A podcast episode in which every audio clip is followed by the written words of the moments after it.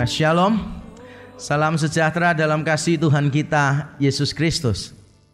Sesuatu yang biasa kita lakukan belum tentu kita melakukannya dengan cara yang benar. Sesuatu yang rutin kita perbuat belum tentu kita melakukannya dengan cara yang tepat. Saya masih ingat bertahun-tahun yang lalu ketika saya menghadapi masalah, kemudian saya pergi ke seorang dokter spesialis, saudara. Lalu dia mau mencari tahu persoalannya apa, mengapa saya selalu mengeluhkan punggung saya. Lalu dia meminta saya untuk mempertontonkan cara saya. Setelah saya duduk, dia bilang coba berdiri, coba tidur, coba berjalan. Setelah saya lakukan semua di depan dia, dia berkata, "Ini dia penyebab sakit." Karena cara duduknya salah, cara berdiri salah, cara tidur salah, cara jalan juga salah.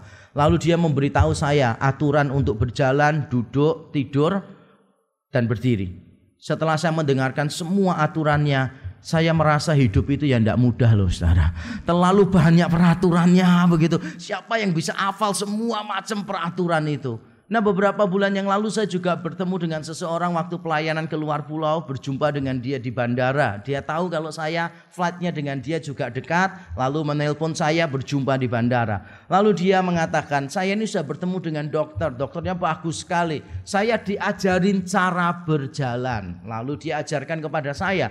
Ternyata cara berjalan yang benar menurut dokternya dia saudara itu jalan tidak boleh langsung begini. Tidak boleh Jalan itu harus belakang terus depan, belakang depan, belakang depan gitu. Saya coba ya, sampai sekarang juga tidak terlalu berhasil saudara. Karena mengubah kebiasaan itu sulit.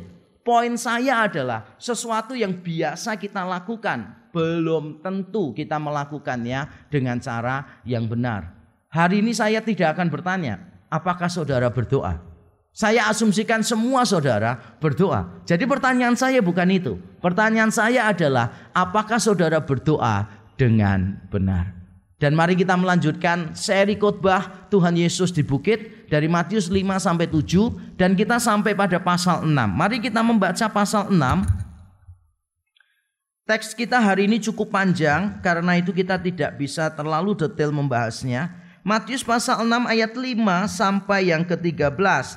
Matius pasal 6 ayat 5 sampai yang ke-13. Kita akan membaca secara bergantian. Yang dalam sehari berdoa lebih dari satu jam membaca ayat yang ganjil.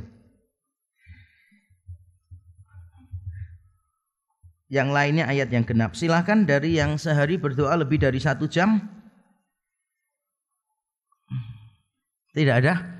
Karena rata-rata tiga jam ya, saya dapat bocoran rata-rata tiga jam berdoanya dalam sebulan. Nah, Matius 6 ayat 5 sampai 13 saya akan bacakan yang ganjil.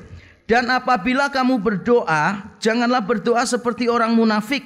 Mereka suka mengucapkan doanya dengan berdiri dalam rumah-rumah ibadat dan pada tikungan-tikungan jalan raya, supaya mereka dilihat orang. Aku berkata kepadamu, sesungguhnya mereka sudah mendapat upahnya. Tetapi jika engkau berdoa, masuklah ke dalam kamarmu, tutuplah pintu dan berdoalah kepada Bapamu yang ada di tempat tersembunyi, maka Bapamu yang melihat yang tersembunyi akan membalasnya kepadamu. Lagi pula dalam doamu itu jangan kamu bertele-tele seperti kebiasaan orang yang tidak mengenal Allah. Mereka menyangka bahwa karena banyaknya kata-kata doanya akan dikabulkan. Jadi janganlah kamu seperti mereka karena Bapamu mengetahui apa yang kamu perlukan sebelum kamu minta kepadanya. Karena itu berdoalah demikian, Bapa kami yang di surga, dikuduskanlah namamu. Datanglah kerajaanmu, jadilah kehendakmu di bumi seperti di surga. Berikanlah kami pada hari ini makanan kami yang secukupnya. Dan ampunilah kami akan kesalahan kami, seperti kami juga mengampuni orang yang bersalah kepada kami dan janganlah membawa kami ke dalam pencobaan, tetapi lepaskanlah kami daripada yang jahat. Karena engkaulah yang mempunyai kerajaan dan kuasa dan kemuliaan sampai selama-lamanya. Amin. Amin. Saudara di dalam bagian ini Tuhan Yesus berbicara tentang salah satu kewajiban agama atau dalam khotbah yang lalu saya sudah sebutkan itu terjemahan yang lebih pas adalah kebenaran. Salah satu bentuk kebenaran secara religius selain bersedekah yang sudah dibahas di ayat 1 sampai 4 adalah tentang berdoa. Nah, secara khusus hari ini kita akan melihat dua area doa, dua aspek doa yang kita sering kali keliru melakukannya. Yang pertama adalah motivasi yang salah. Yang kedua adalah konsep yang salah. Motivasi yang salah ada di ayat yang kelima dan keenam. Kemudian konsep yang salah ada di ayat 7 sampai ayat yang ke-13. Dan langsung kita akan membahas yang pertama. Kesalahan yang pertama di dalam berdoa itu adalah dari sisi motivasi kita. Nah Tuhan Yesus di ayat 5 berbicara tentang sesuatu yang kalau saudara tidak paham tentang cara berdoa orang Yahudi, saudara mungkin akan kesulitan untuk memahaminya.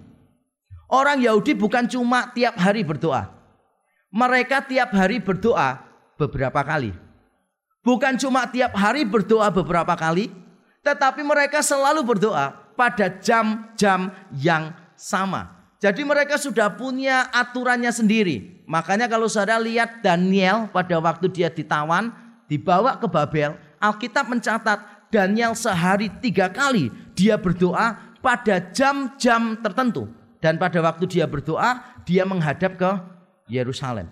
Jadi tiap orang Yahudi yang saleh, mereka sehari bukan cuma berdoa, tetapi berdoa beberapa kali dan pada jam-jam yang sama.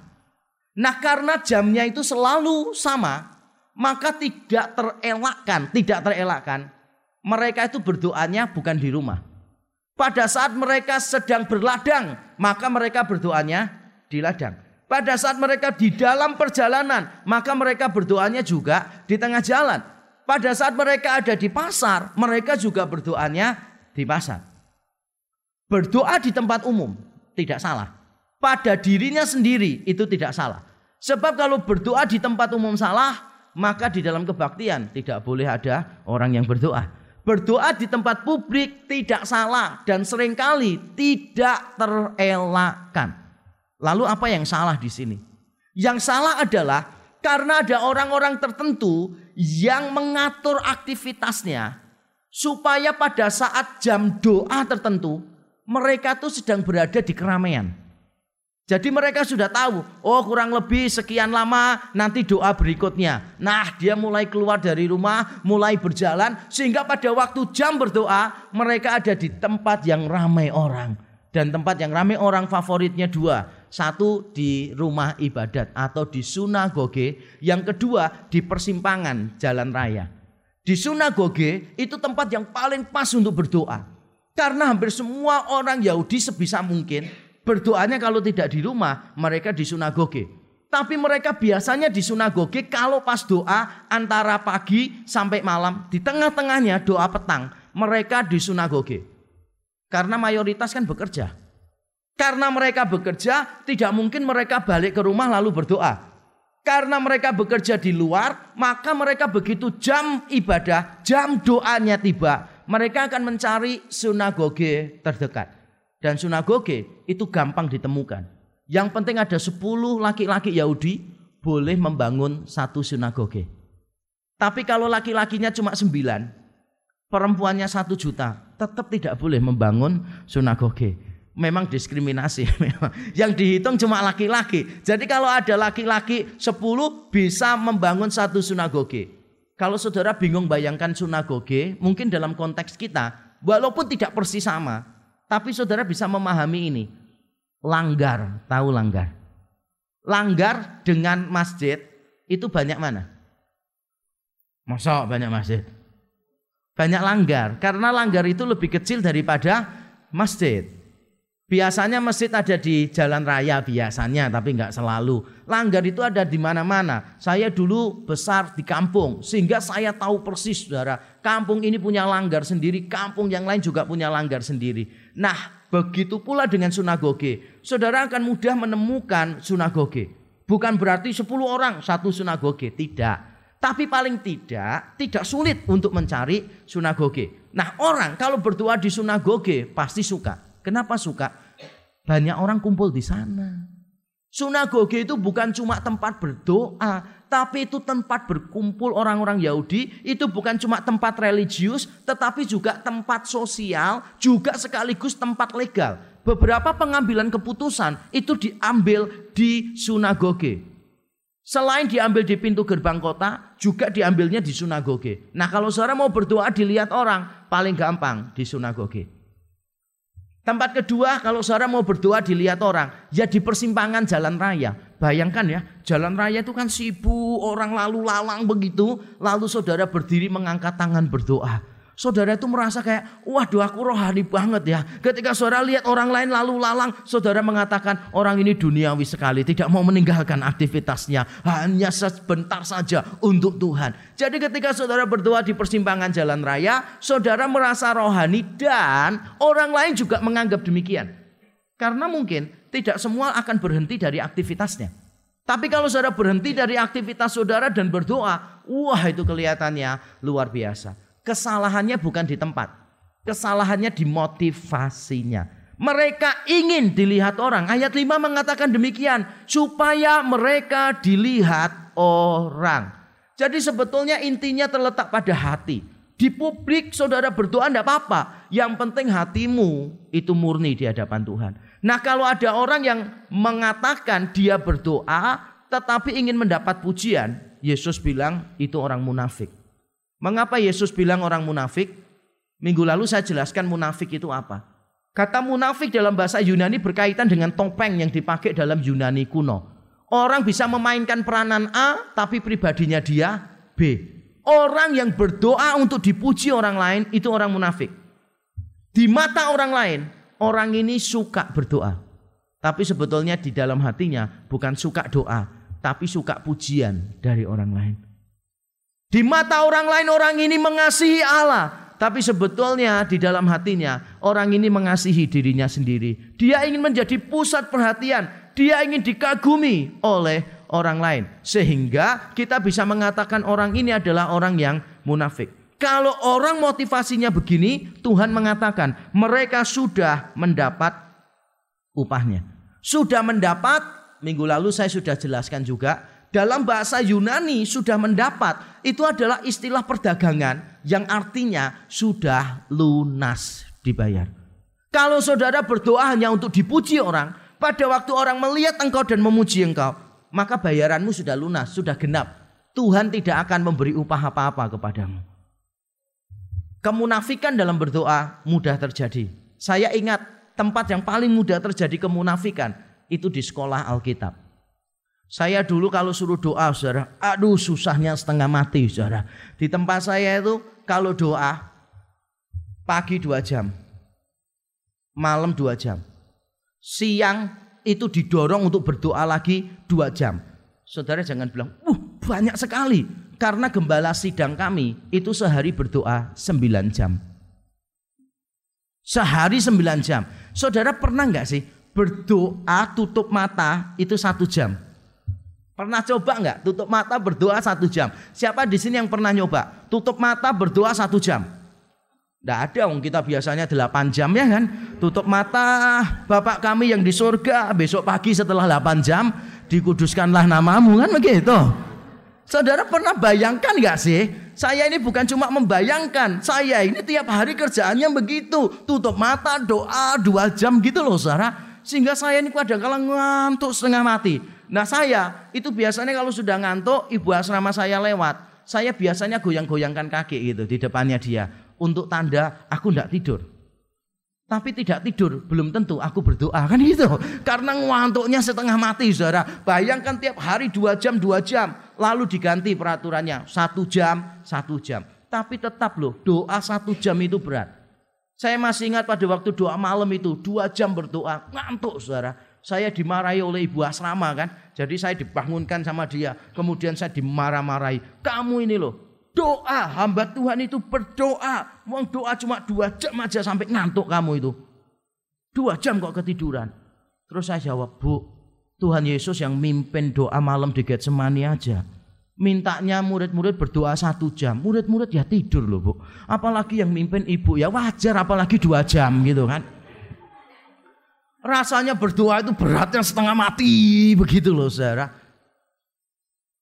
Tapi berusaha untuk menutupinya dengan cara apa? Munafik. Yang paling berbahaya itu di tempat ibadah. Saya pernah berada di beberapa gereja yang penatuannya doa syafaat saudara more than 15 minutes.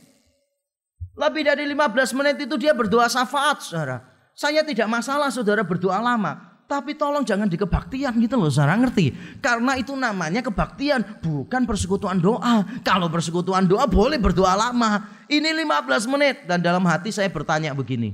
Orang ini kalau di rumah kira-kira berdoa atau enggak ya? Banyak orang yang kalau di luar kelihatannya berdoanya hebat. Di rumah tidak pernah berdoa. Itu namanya motivasinya salah. Itu orang munafik. Lalu Yesus memberikan nasihat kepada kita. Nasihatnya begini. Kalau kamu berdoa maka masuklah ke dalam kamarmu. Ayat yang keenam, tutuplah pintu. Kata kamar yang ada di sana ternyata adalah kata yang khusus dalam bahasa Yunani. Bukan sembarang kamar itu saudara. Kamar yang dimaksud di situ itu adalah storeroom atau storage, gudang. Tempat penyimpanan barang. Dan ini penting untuk kita garis bawahi. Karena rumah Yahudi kuno itu kalau kamarnya biasanya terletaknya di pinggir. Jadi tiap kamar itu bersentuhan dengan dinding luar. Tapi ini bahaya kalau dijadikan tempat penyimpanan. Karena pondasi tanahnya itu tidak selalu berbatu-batu. Kadang pondasinya tanah biasa, kadang pasir. Sehingga kalau ada pencuri dari luar, dia bisa saja menerobos masuk melalui dinding yang di luar. Dan bahan dindingnya juga dari tanah liat, bukan dari semen seperti kita sekarang. Sehingga satu-satunya cara supaya aman adalah meletakkan barang di ruangan yang ada di dalam rumah. Jadi ruangan ini khusus, dinding-dindingnya tidak bersentuhan dengan dinding luar rumah. Benar-benar private room. Nah satu-satunya yang bersifat private itu adalah ruangan itu. Tapi Tuhan Yesus bukan cuma mengatakan masuk ke kamar itu loh ya. Jangan kamar sembarang. Bukan cuma itu. Tapi dia memberi tambahan. Tutuplah pintu. Sebab percuma kalau doanya di kamar itu, tapi doanya teriak-teriak, sehingga orang yang lewat di depan rumah pasti juga ikut mendengar. Jadi ini Tuhan Yesus memberikan penekanan kepada kita. Kalau berdoa bukan cuma masuk di kamar yang khusus, tetapi setelah kamu masuk, kamu tutup. Lalu ada tambahannya, maka Bapamu yang ada di tempat yang tersembunyi, berarti Bapak ada di tempat yang tersembunyi, akan memberikan upah kepadamu kalau melihat apa yang kamu lakukan di tempat yang tersembunyi. Jadi kata yang tersembunyi munculnya dua kali. Saya bacakan untuk saudara ayat 6. Tetapi jika engkau berdoa masuklah ke dalam kamarmu, tutuplah pintu dan berdoalah kepada Bapamu yang ada di tempat tersembunyi, maka Bapamu yang melihat yang tersembunyi akan membalasnya kepadamu. Kata tersembunyi munculnya dua kali. Karena Tuhan Yesus ingin benar-benar ketika saudara berdoa, saudara berdoa di dalam ketersembunyian. Masuk kamar bukan sembarang kamar, tutup pintu. Setelah tutup pintu, Bapak di surga yang tersembunyi akan melihat yang kamu lakukan di tempat yang tersembunyi. Sehingga ada seorang yang mengatakan begini, The secret of prayer is praying in the secret. Rahasia berdoa adalah berdoa secara rahasia. Kalau saudara mau tahu rahasia berdoa, doanya secara rahasia. Jangan sampai orang lain tahu. Nah kalau sampai saudara berdoa tanpa minta pujian orang, maka Tuhan memberi janji, Bapamu akan membalas kepadamu. Bukan berarti doa untuk mendapat berkat Tuhan, bukan. Tapi Tuhan sudah menetapkan bahwa untuk menikmati berkatnya, saudara itu perlu berdoa. Saya bisa gambarkan ini seperti voucher. Saya pernah diberi orang voucher hotel, voucher belanja, voucher makan. Nah, voucher itu sudah dibeli. Voucher itu diberikan kepada saya, sudah menjadi milik saya. Tapi voucher itu tidak akan ada gunanya kalau saya tidak pergi ke hotel itu dan menginap. Tidak ada gunanya. Tapi sebaliknya, kalau saya pergi ke hotel itu tidak membawa vouchernya, juga saya datangnya tidak ada gunanya. Saya harus membayar sendiri dengan harga penuh. Sehingga doa itu mirip dengan voucher ini. Tuhan sudah siapkan berkatnya. Tuhan sudah siap. God is ready to bless you. But the question is, are you ready to be blessed? Kalau engkau siap untuk diberkati, ya engkau berdoa. Ketika engkau berdoa, berarti engkau siap untuk diberkati. Beberapa penafsir Alkitab menganggap bahwa konsep yang saya baru terangkan ini ada kaitannya dengan pemilihan kamar. Kamarnya itu bukan sembarang kamar, tapi kamar penyimpanan apa? Barang berharga. Ketika engkau masuk di dalam kamar barang itu, harta benda itu, sebetulnya seakan-akan engkau sedang melakukan tindakan untuk mengambil berkat yang ada di sana. Kita berdoa bukan supaya diberkati Tuhan, tetapi Tuhan memberkati kita melalui berkat berdoa kita. Berdoa itu adalah kunci untuk mendapatkan berkat Tuhan. Nah, saudara motivasi kita di dalam berdoa apa? Banyak orang Kristen berdoa dengan motivasi yang keliru. Berdoa itu supaya dilihat orang lain. Berdoa itu supaya kelihatan rohani. Berdoa itu supaya kelihatan benar-benar orang yang baik. Orang yang saleh. Begitu loh saudara. Kalau saudara berdoa dengan motivasi begitu. Maka saudara telah salah di dalam berdoa. Saudara adalah orang-orang yang munafik. Itu kesalahan pertama dalam berdoa, yaitu motivasinya keliru. Nah sekarang kita lihat yang kedua saudara, aspek kedua dari berdoa, yaitu konsep yang keliru. Mari kita membaca ayat yang ketujuh sampai ke-13, tapi kita akan membaca ayat yang ketujuh dulu. Ayat yang ketujuh, lagi pula dalam doamu itu janganlah kamu bertele-tele seperti kebiasaan orang yang tidak mengenal Allah, mereka menyangka bahwa karena banyaknya kata-kata doanya akan dikabulkan. Kali ini Tuhan Yesus tidak membahas kebiasaan doa orang Yahudi. Kali ini dia membahas kebiasaan doa orang-orang non-Yahudi yang dia sebut orang-orang yang tidak mengenal Allah. Nah orang yang tidak mengenal Allah itu biasanya kalau berdoa bertele-tele. Coba saya tes ya pengetahuan bahasa Indonesia kita. Bertele-tele itu artinya apa? Bertele-tele. Saudara tahu telepon? Ya, tele itu jauh, phone itu suara. Tapi tidak ada hubungannya ternyata dengan telepon. Bertele-tele itu apa sih saudara sebetulnya? Bertele-tele apa? Ada yang tahu? Kata dasarnya apa? Tele. Rasanya kok gak enak ya. Bertele-tele itu artinya apa saudara? Nah saya akan menerangkan kata ini. Kalau dalam bahasa Yunani, kata yang dipakai ini spesifik. Batalogeo. Batalogeo ini adalah satu kata yang jarang muncul di mana-mana. Sehingga para penafsir itu berbeda pendapat. Ini artinya apa ya? Tapi kemungkinan batalogeo itu adalah semacam kata yang dipakai berdasarkan bunyi. Misalnya begini, kata pop gitu. Budaya yang menyebar ke mana-mana, pop populer, misalnya lagu pop gitu. Itu sebetulnya istilahnya dipakai karena saudara menggambarkan sesuatu yang dulu tidak ada, tapi terus menekan, tiba-tiba keluar pop gitu. Maka namanya populer. Atau barbarian, saudara mendengar istilah barbarian. Itu adalah istilah orang Yunani untuk mereka yang tidak bisa bahasa Yunani. Di mata orang-orang Yunani, Orang-orang yang tidak bisa berbahasa Yunani, bahasanya itu seperti orang bilang barbar, barbar. Makanya terus disebut barbarian. Atau kalau saudara bingung, saudara pernah pergi nggak ke perbatasan Jawa Tengah, Jawa Barat? Itu orang-orang Jawa yang ada di Jawa Tengah, itu bahasa Jawanya ngapak-ngapak. Jadi kalau misalnya ada bapaknya datang, maka mereka akan berteriaknya gini, bapaknya tekak, bapaknya tekak gitu. Ayahnya datang, ayah datang, maksudnya gitu loh. Kalau bahasa Surabayanya ya bapaknya teko, bapaknya teko. Tapi karena di sana bilangnya bapaknya tekak, bapaknya tekak gitu. Nah saya harap orang Surabaya tidak menafsirkan secara hurufiah. Ketika bapaknya datang semua teriak bapaknya tekak, bapaknya tekak. Karena kalau dalam bahasa Surabaya tekak itu artinya dicekik saudara. Beda, tapi kita biasanya kalau mendengarkan orang ini ngapak-ngapak ini mesti daerahnya daerah tertentu ya kan? Kalau tidak daerah Brebes, Lawi dan sebagainya. Nah daerah-daerah sana lah gitu. Itu bahasa orang yang ngapak-ngapak gitu. Nah batalogio kemungkinan itu karena banyak orang yang kalau doa itu terlalu cepat banyak kata-katanya gitu. Kedengaran itu seperti batah batah batah batah gitu. Logio itu artinya berbicara. Jadi batalogio itu mungkin artinya adalah berbicara batah batah batah batah gitu.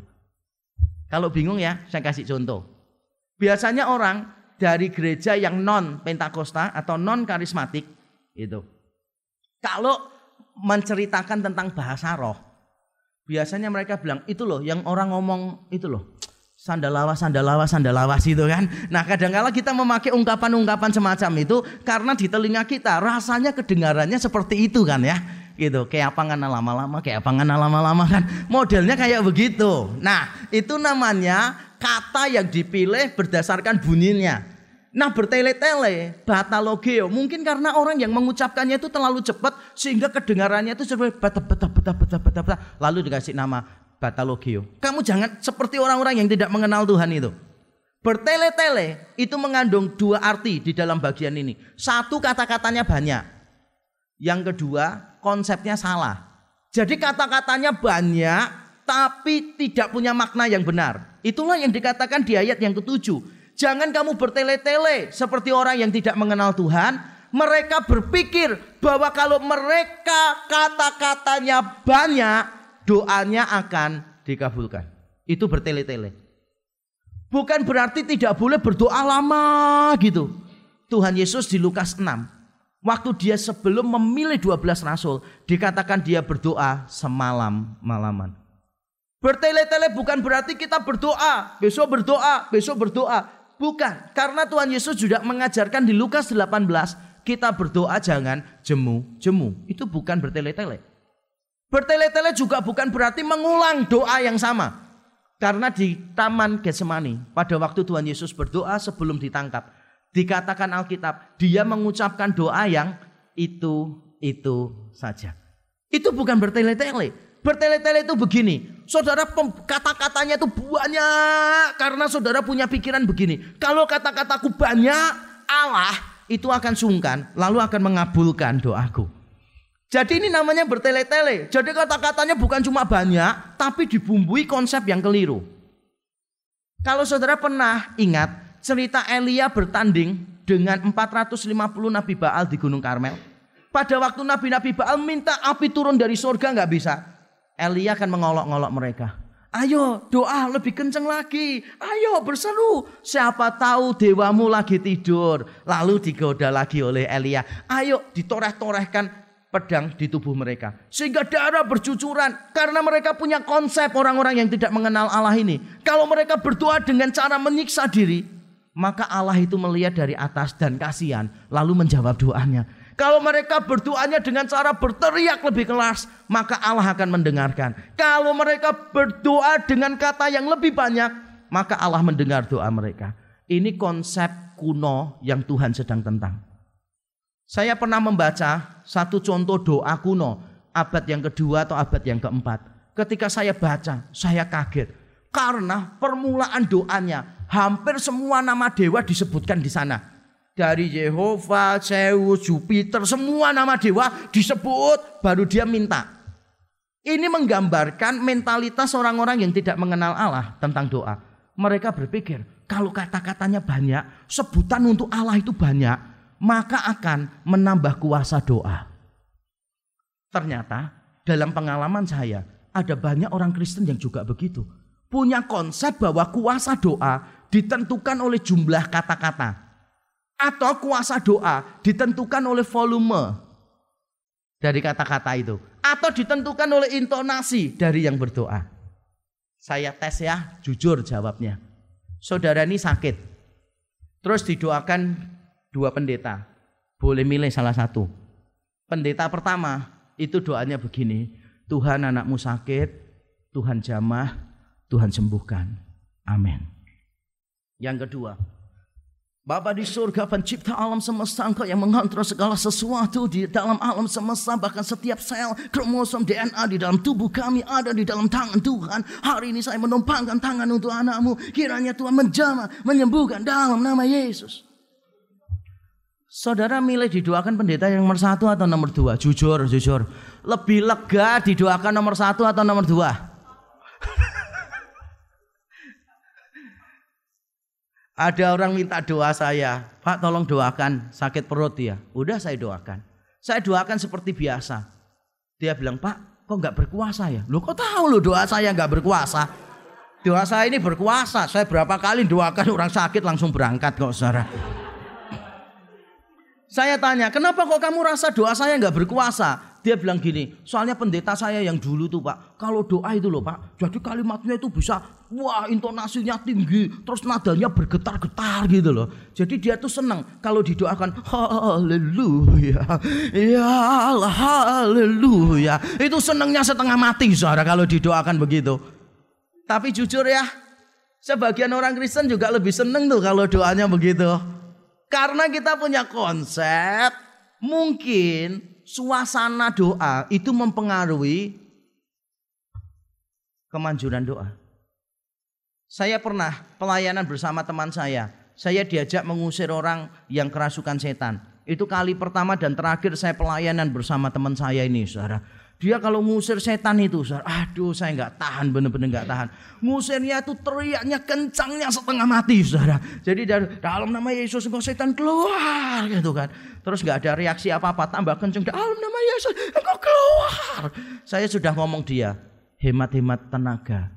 Besok kita khotbah. Untuk apa setan diurusin begitu? Ngomong pelan aja yang penting kamu berotoritas, pakai otoritasnya Yesus. Dia keluar kok sudah. Tidak usah teriak-teriak. Gak percaya dia saudara. Dia tetap doanya teriak terus. Sebelum setannya keluar, saya keluar duluan saudara. Gak tahan saya sungguhan. Suaranya itu kerasnya setengah mati itu loh saudara. Apa hubungannya kemanjuran doamu dengan engkau doanya berteriak gitu loh. Tapi kita juga kadang-kala sering begitu kan. Kalau ada orang berdoa biasa, kita bilang gini, hm, doanya monoton, tidak ada kuasanya, gitu kan. Tapi kalau doanya itu wah teriak-teriak sambil menangis, kita bilang, uh Roh Kudus datang. Itu konsep yang keliru yang harus kita ubah. Jadi doa itu dikabulkan bukan karena banyaknya kata-kata loh saudara. Saya pernah itu mendengar ada orang berdoa. Waduh memang orang ini hamba Tuhan jelas berdoanya panjangnya setengah mati. Awalnya itu panjang. Jadi dia kalau berdoa semua sifat Allah dan semua sebutan Allah disebutkan di dalam doanya dia. Jadi kalau dia berdoa itu sebelum minta ya, doanya kurang lebih begini. Ya Tuhan engkau Allah yang maha kudus, engkau Allah yang maha suci, engkau Allah yang maha kuasa, engkau maha perkasa, engkau terpisah ada pada dirimu sendiri gitu kan. Dan engkau adalah El Sada, engkau adalah El Roy, engkau adalah El Leon gitu kan. Semuanya disebutkan gitu saudara. Saya itu dalam hati mikir, orang ini nggak punya cara yang lebih bagus kah? Kalau saya berdoa ingin menyebutkan semua sifat Allah dan atribut Allah, saya bisa berdoa lebih hemat.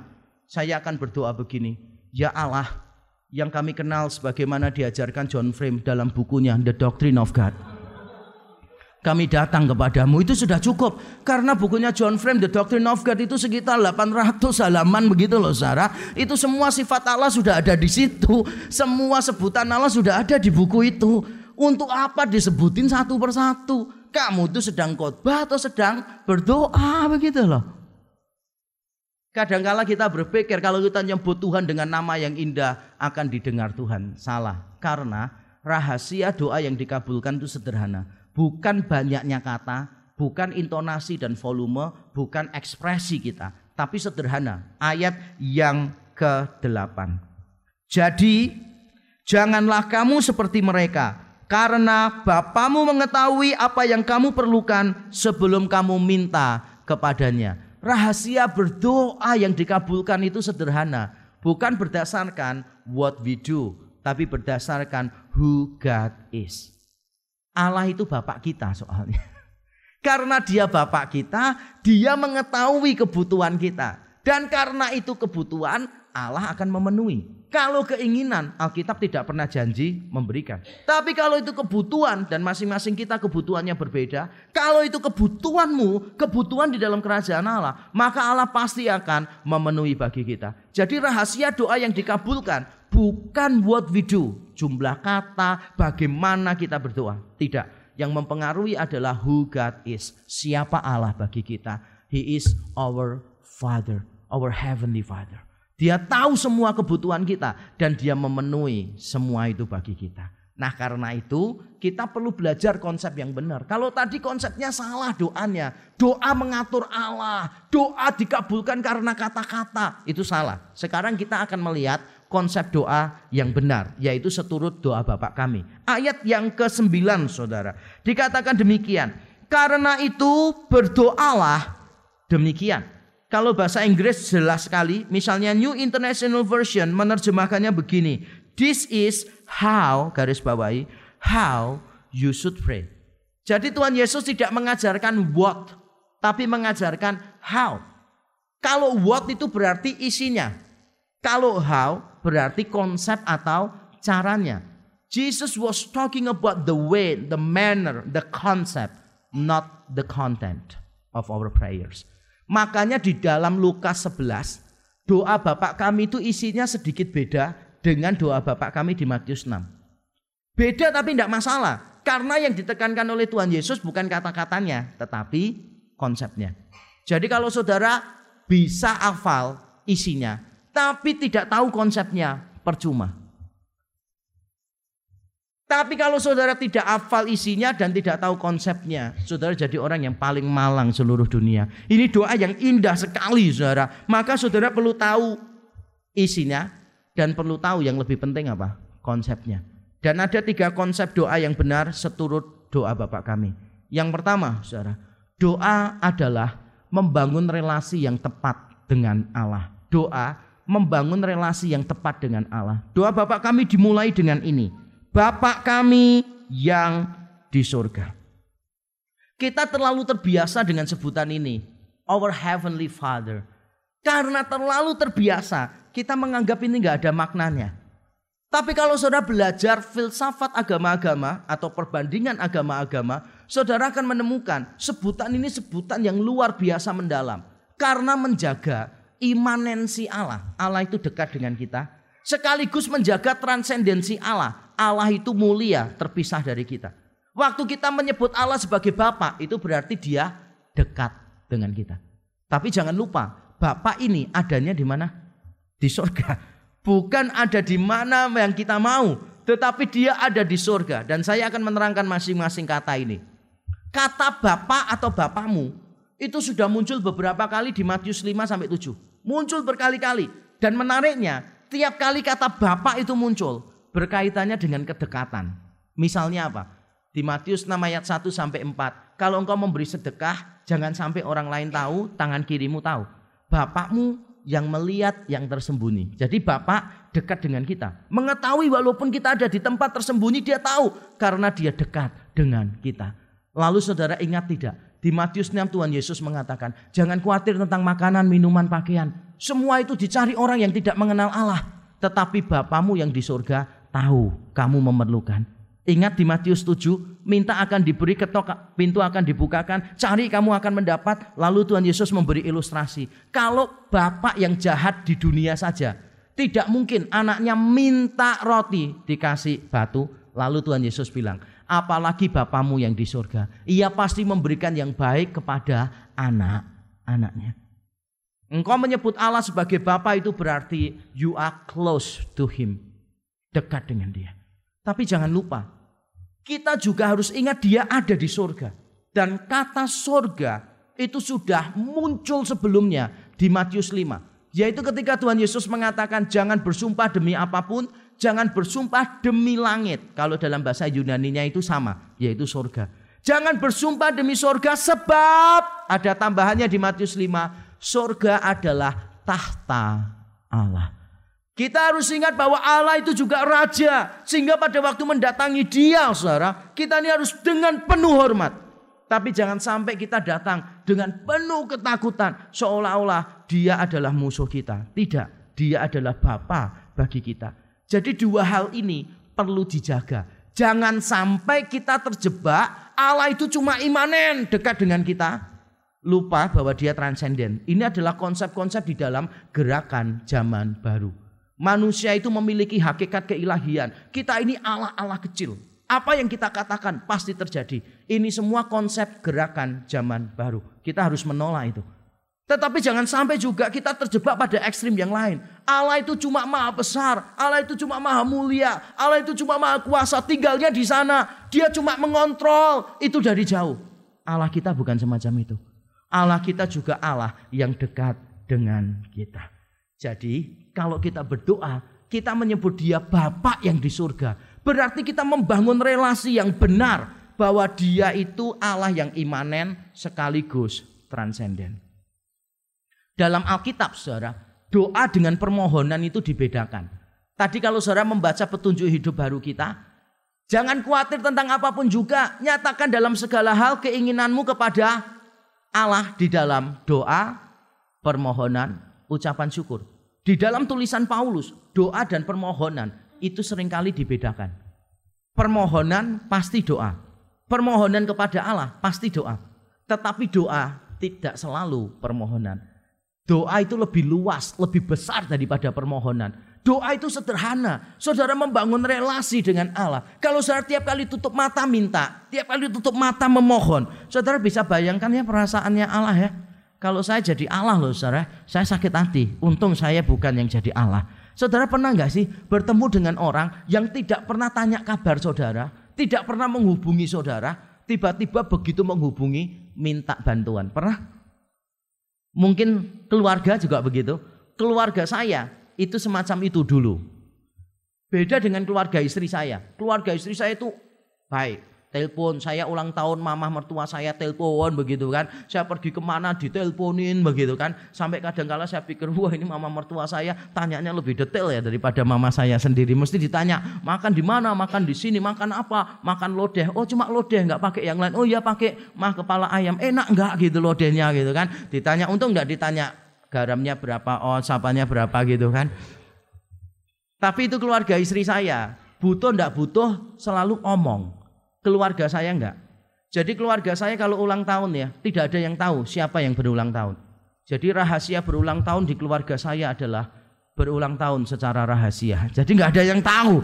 Ini ulang tahunnya siapa nggak ada yang tahu. Dan jarang bicara lewat telepon, saudara. Tapi begitu telepon, saya sudah tahu. Kalau telepon mesti minta bantuan minta pertolongan. Dua keluarga yang berbeda. Saya memahami bahwa keluarga saya kurang baik dalam hal itu. Makanya saya berbicara kepada mereka supaya kalau telepon bukan cuma kalau butuh. Nah kita kadangkala kalau berdoa itu cuma kalau butuh dengan Tuhan. Masalah semakin banyak, weh semakin aktif dalam berdoa. Itu pun tiap kali tutup mata selalu apa? Minta, tutup mata minta. Pernah nggak sih kita tutup mata nggak minta apa-apa? Pagi tadi saya coba, saya bangun, saya berdoa, saya tidak minta apa-apa. Saya hanya bersyukur kepada Tuhan, bersyukur untuk keselamatan cuma-cuma di dalam Yesus Kristus yang Dia berikan ke saya, bersyukur untuk pelayanan yang Dia percayakan kepada saya, bersyukur untuk keluarga yang Tuhan berikan kepada saya, keluarga yang bahagia, bersyukur untuk jemaat-jemaat yang mengasihi saya, bersyukur untuk orang-orang lain yang mendukung pelayanan saya. Saya tidak minta satupun, karena doa memang tidak selalu meminta. Doa itu membangun relasi yang tepat dengan Allah. Yang kedua, doa bukan cuma membangun relasi yang tepat dengan Allah. Yang kedua, saudara, doa itu mengutamakan kepentingan Allah. Sebelum kita minta berilah kami, kami, kami. Tuhan Yesus ajarkan mu, mu, mu. Di ayat 9 dan 10, dikuduskanlah namamu, datanglah kerajaanmu, jadilah kehendakmu. Jadi yang kita cari itu adalah kehendak Allah dulu, kepentingan Allah dulu, bukan kepentingan kita. Kita terbiasa tiap kali tutup mata mesti doanya untuk diri kita, untuk keluarga kita, benar nggak? Semuanya kita, it's all about us. That's not true. Ketika kita berdua tutup mata, selalu minta, it's all about God. It's all about His kingdom on earth. Sehingga ketika kita berdoa, kita fokuskan pada Allah. Dan isi doanya saya terangkan secara cepat saja. Sebetulnya isinya ini mendalam sekali saudara. Kalau disampaikan satu permohonan, satu kali khotbah belum tentu cukup. Karena sangat mendalam. Tapi saya akan coba jelaskan secara sederhana. Ketika kita berdoa dikuduskanlah namamu. Itu bukan berarti kita minta supaya Allah lebih suci. Wong dia itu sudah maha suci kok. Dia sempurna kesuciannya. Dia sudah di dalam kekudusan yang sempurna. Tapi ketika kita berdoa dikuduskanlah namamu. Maksud kita adalah kudus itu dipisahkan, dikhususkan. Kita minta supaya nama pribadi Allah itu saudara dipisahkan dari ciptaan. Dengan kata lain, kita menghargai Allah sebagai ciptaan. Memang dia Bapak kita. Jangan lupa tapi, bagaimanapun kita ciptaannya dia. Sehingga sebagai ciptaan, no way the creatures become creator. No way. Tidak bisa. Sehingga saudara harus benar-benar memahami dan mengagumi kemuliaan Allah. Kita bahkan nanti di sorga, kita tidak tahu segala sesuatu. Ada orang yang mengatakan nanti kalau di surga semuanya jelas bagi kita. Belum tentu. Karena ketika kita masuk surga, kita tidak berubah jadi maha tahu loh ya, tidak. Tetap kita tidak mengalami perubahan dari tidak tahu lalu jadi maha tahu, tidak. Di surga kita cuma lebih tahu. Tapi tidak maha tahu. Dikuduskan namamu itu artinya kita berdoa supaya Allah terpisah. Ciptaannya menghargai dia. Lalu ditambah, datanglah kerajaanmu. Bukankah Yohanes Pembaptis pada waktu datang di Matius 3, dia mengatakan apa? Kerajaan Allah sudah dekat. Di awal pelayanan Yesus dia berkhotbah apa? Bertobatlah kerajaan Allah sudah dekat. Tapi di tengah-tengahnya Matius 12, waktu Yesus mengusir setan, dia mengatakan begini, kalau aku mengusir setan dengan kuasa roh Allah, maka kerajaan Allah sudah ada di tengah kamu. Bukan sudah dekat, sudah ada di tengah kamu. Waktu dia ada di kayu salib, dia telah meruntuhkan penguasa-penguasa dunia ini, yaitu kuasa kegelapan. Ketika dia bangkit dari kematian dan naik ke surga, duduk di sebelah kanan Bapa, di situlah kerajaannya sudah genap, tapi belum sempurna. Nanti sempurnanya pada waktu dia datang kembali yang kedua, seluruh kuasa yang jahat itu akan dipatahkan, akan dibinasakan. Di situlah kerajaan Allah kita nantikan secara sempurna. Maka tiap hari kita berdoa, Tuhan datanglah kerajaanmu. Seolah-olah kita bilang begini, Tuhan Yesus, kapan engkau datang? Kapan engkau datang? Ini doa kita tiap hari. Bukan cuma pas tanggal tua, ngerti nggak saudara? Bukan cuma pas kita ada dalam masalah, lagi galau, nggak ada jalan keluar begitu kan. Bertengkar dengan pacar, baru kita tanya Tuhan kapan engkau datang kembali yang kedua. Lalu doa kita juga begini. Jadilah kehendakmu, ada tambahannya. Di bumi seperti di surga. Berarti yang di surga itu jadi pola untuk yang di bumi. Kalau di surga, Allah punya kehendak semua penghuni surga, malaikat, serafim, orang-orang kudus yang di surga. Begitu Allah punya kehendak, semua sukacita menaati kehendak Bapa. Jadi kalau Bapak bilang A, semuanya pasti A. Jadi seperti orang menggema gitu. A, A, A, A gitu hebat. Kalau di bumi nggak bisa. Kalau di bumi Allah bilang A, B, C, D, F, G, H, I, J, K. Selalu manusianya begitu. Allah punyanya apa, maunya apa. Manusia maunya yang beda dengan Allah. Nah kita itu tiap hari berdoa supaya banyak orang itu menaati Allah dengan sukacita dan sukarela. Itu doa kita. Tiap hari loh doanya begitu. Itu orang yang mengutamakan kepentingan Allah. Doa adalah membangun relasi yang benar dengan Allah Doa adalah mengutamakan kepentingan Allah. Dan yang terakhir, doa adalah menyandarkan diri secara total dan terus-menerus pada Allah. Menyandarkan diri secara total dan terus-menerus. Itu ada di ayat 11 sampai 13. Coba saya tes dulu. Kalau saudara ini menemukan kendi, lalu diusap-usap keluarlah jinnya. Lalu jinnya mengatakan tiga permintaan. Saudara minta apa? Satu minta minta tiga lagi. Terus dijawab ya, tiap kali minta apa mesti tiga lagi begitu kan ya. Minta apa? Kalau saudara disuruh minta tiga. Biasanya loh kalau saudara itu berdoa minta apa? Salomo itu pernah loh saudara. Pada waktu berdoa dia mikir. Di antara semua itu apa ya yang dia harus minta? Seandainya Tuhan berkata tiga permintaan. Saudara minta apa? Biasanya nih yang biasa terpikir. Satu, sehat. Ya Terus apa? Kaya. Tiga, keluarga harmonis, bahagia. Biasanya gitu kan. Jadi kita mintanya kalau enggak kesehatan, kekayaan, keluarga yang harmonis. Tapi ternyata Tuhan Yesus mengajarkan kita bukan itu. Mengajarkannya itu makanan, pengampunan, kelepasan dari pencobaan. Pilihan Tuhan Yesus jauh lebih bagus daripada pilihan kita.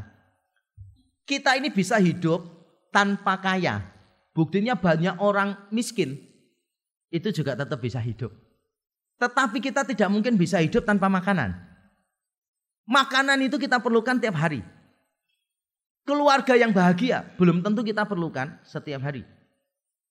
Buktinya apa? Ada orang yang keluarganya nggak bahagia kalau pisah dari istrinya, malah seneng dia.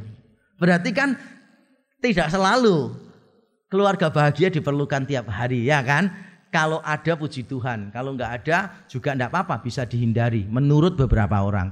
Ini bukan kesaksian pribadi. Nah, tapi kalau kita bicara makanan, kita semua butuh makanan, benar? Kita semua butuh pengampunan karena tiap hari kita berbuat dosa. Dan yang ketiga, kita tiap hari kita ini butuh apa? Butuh kelepasan dari pencobaan. Karena iblis mencobai kita, nggak memandang kalender, tanggal merah, cuti apa, dia nggak ikut. Iblis akan selalu mengerjain kita setiap hari. Makanya kita ini diminta Tuhan berdoanya tiga hal ini. Dan saya terangkan satu persatu. Berilah kami makanan hari ini yang secukupnya. Bahasa Indonesia menerjemahkannya yang secukupnya. Kata Yunani yang dipakai ini memang sedikit sulit diterjemahkan. Tapi saya setuju dengan mayoritas bahasa Inggris. Makanannya itu bukan makanan yang secukupnya, tapi makanan harian. Give us today our daily bread. Jadi roti kami setiap hari. Karena orang Yahudi makan roti. Ini bicara tentang makanan pokok saudara. Dan bagi pendengar Tuhan Yesus yang pada waktu itu mayoritas buruh harian. Doa ini sangat bermakna. Sebab kalau seorang buruh harian terima gajinya sore hari. Kalau dia sakit berarti artinya tidak bisa bekerja. Kalau dia tidak bisa bekerja berarti the following day keluarganya tidak bisa makan. Sehingga ketika mereka mengatakan Tuhan beri kami makanan kami hari ini, makanan kami tiap hari. Itu adalah doa yang bermakna sekali bagi mereka. Dan doanya itu today, give us today. Bukan gini, Tuhan give us this year our daily bread. Enggak. Kalau this year kan berarti doanya sekali untuk setahun. Tapi doanya itu tiap pagi doa, Tuhan give us today. Dan di Matius 6, Tuhan Yesus juga mengatakan demikian. Jangan khawatir tentang yang kamu makan minum pakai. Kesusahan sehari cukup untuk sehari. Jadi bersandar kepada Tuhan itu tiap hari bersandarnya sama Tuhan. Nah saya ketika membaca ini ulang saudara, saya itu memahami hal yang luar biasa. Bahwa ketika kita bisa makan, itu bukan karena kita bekerja. Walaupun untuk makan, kamu harus bekerja. Tetapi ketika engkau bisa makan, itu bukan karena engkau bekerja, tapi karena Tuhan yang memberi berkat. Begitu pula dengan pengampunan. Ampunilah kami akan segala kesalahan kami. Kata kesalahan kalau di dalam bahasa Yunani menurut saya bagus. Kata yang dipakai itu bukan kesalahan. Tetapi hutang. Ingat enggak doa Bapak kami dalam bahasa Inggris bunyinya apa? Forgive our bukan sins, bukan faults, bukan mistakes. Forgive our debtors. Kita ini punya hutang. Sebagaimana kami mengampuni orang lain yang berhutang kepada kami. Wah ini kata ini luar biasa indah. Mengapa dipakai kata hutang? Bukankah itu kesalahan? Benar itu kesalahan. Bukankah itu dosa? Benar itu dosa. Tapi kata yang dipakai itu hutang. Karena maksudnya begini. Kita punya kewajiban terhadap Allah. Punya kewajiban terhadap sesama. Yaitu mengasihi Allah. Mengasihi sesama. Pada waktu kita tidak melakukan tugas kita kita merampas hak orang lain. Allah seharusnya menerima kasih dan ketaatan kita. Pada waktu kita tidak memberi, maka kita telah merampas haknya Allah. Berarti kita telah berhutang. Begitu pula dengan orang-orang di sekeliling kita. Kita seharusnya memberi kasih kepada mereka. Ketika kita gagal melakukannya, kita merampas hak mereka. Maka kita berhutang kepada mereka. Tiap hari kita berhutang pada Tuhan, pada sesama. Makanya tiap hari kita butuh pengampunan. Siapa yang dari tadi pagi belum berbuat dosa? Selain saya siapa yang dari tadi belum berbuat dosa? Kita ini hampir tiap hari berbuat dosa. Tiap menit kita berbuat dosa. Karena ketika Tuhan mengatakan do this. Kita tidak melakukan. Kita tetap berdosa. Every second we do not do that. We are sinning against God. Makanya tiap hari kita berdosa di hadapan Tuhan. Tiap hari kita datang mohon pengampunan Tuhan. Kita nggak bisa hidup tanpa makanan. Kita tidak bisa hidup tanpa pengampunan. Dan kita juga tidak bisa hidup tanpa kelepasan dari si jahat. Dikatakan jangan membawa kami ke dalam pencobaan. Lepaskan kami dari yang jahat. Kalau bahasa Inggris lebih tepat. Bukan yang jahat tapi si jahat. Berarti the evil one, iblis. Saudara itu perlu minta sama Tuhan supaya tiap hari dibuat menang melawan iblis. Yakobus 4 mengatakan demikian. Tunduklah kepada Allah, lawanlah si iblis. Dia akan lari daripadamu. Urutannya jelas ya. Tunduklah kepada Allah, lawanlah si iblis, dia lari daripadamu. Jangan dibalik. Ada orang Kristen yang berdoa saja males, tapi kalau nyanyi kita buat iblis gemetarmu itu nyanyinya tuh kelihatannya semangat sekali begitu kan. Iblisnya takut ketika kita menyanyikan lagu itu. Eh, sebentar, kamu tunduk kepada Allah enggak? Kamu berdoa berharap kepada Allah enggak? Kalau engkau tidak dekat dengan Allah, tidak menundukkan diri di bawah Allah, saudara melawan iblis, iblis tidak akan lari daripadamu. Kita ini harus tahu musuh kita ini musuh yang hebat, saudara. Musuh yang lebih kuat daripada kita. Tapi banyak orang Kristen itu merasa diri lebih hebat. Saya pernah berjumpa sama seorang yang sudah tua, jadi Kristen sudah puluhan tahun, saudara. Dia tuh mengentengkan gitu loh, meremehkan iblis. Dia bilang, ah orang Kristen ngapain takut sama iblis menjatuhkan kita sih. Kita ini kalau sungguh-sungguh baca Alkitab bisa apalagi kita kan sudah jadi Kristen bertahun-tahun puluhan tahun kita jadi orang Kristen. Mosok takut dijatuhkan sama iblis. Orang tua ini lupa bahwa iblis lebih tua dari dia. Itu yang dia lupa. Saya nggak peduli seberapa tua saudara. Iblis jauh lebih tua dari saudara. Saya tidak peduli saudara seberapa pengalaman, tapi iblis telah pengalaman menjatuhkan semua orang yang pernah ada di muka bumi, kecuali Allah menjadi manusia, yaitu Yesus Kristus. Semua sudah pernah jatuh. Dari orang yang paling berhikmat seperti Salomo, dari orang yang paling dekat dengan Tuhan seperti Daud, dari orang yang begitu tahu Alkitab seperti Paulus. Semua orang pernah jatuh. Makanya satu-satunya cara kita menang melawan iblis adalah dekat kepada Tuhan. Lawan si iblis maka kita akan menang. Kita butuh Tuhan setiap waktu. Makanya saya suka satu himne yang mengajarkan I need thee every hour. I need thee. Oh I need thee every hour. I need thee. Tiap jam kita butuh Tuhan. Tiap waktu kita butuh Tuhan. Sore ini saya menantang saudara.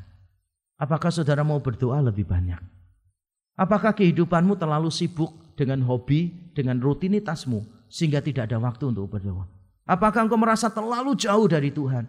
Hari ini ngambil komitmen, Tuhan aku mau berdoa lebih banyak lagi. Saya menantang saudara yang kedua. Kalau engkau sudah berdoa, maukah engkau berdoa dengan cara yang baru, cara yang lebih benar? Ketika engkau berdoa bukan untuk memenuhi hawa nafsumu, bukan berfokus pada dirimu, tapi engkau membangun relasi yang indah dengan Tuhan mengutamakan kepentingan Allah dan kau menyandarkan dirimu kepada Allah. Di dalam doamu kau selalu mengatakan, Lord, I am powerless, I am weak, but you are strong.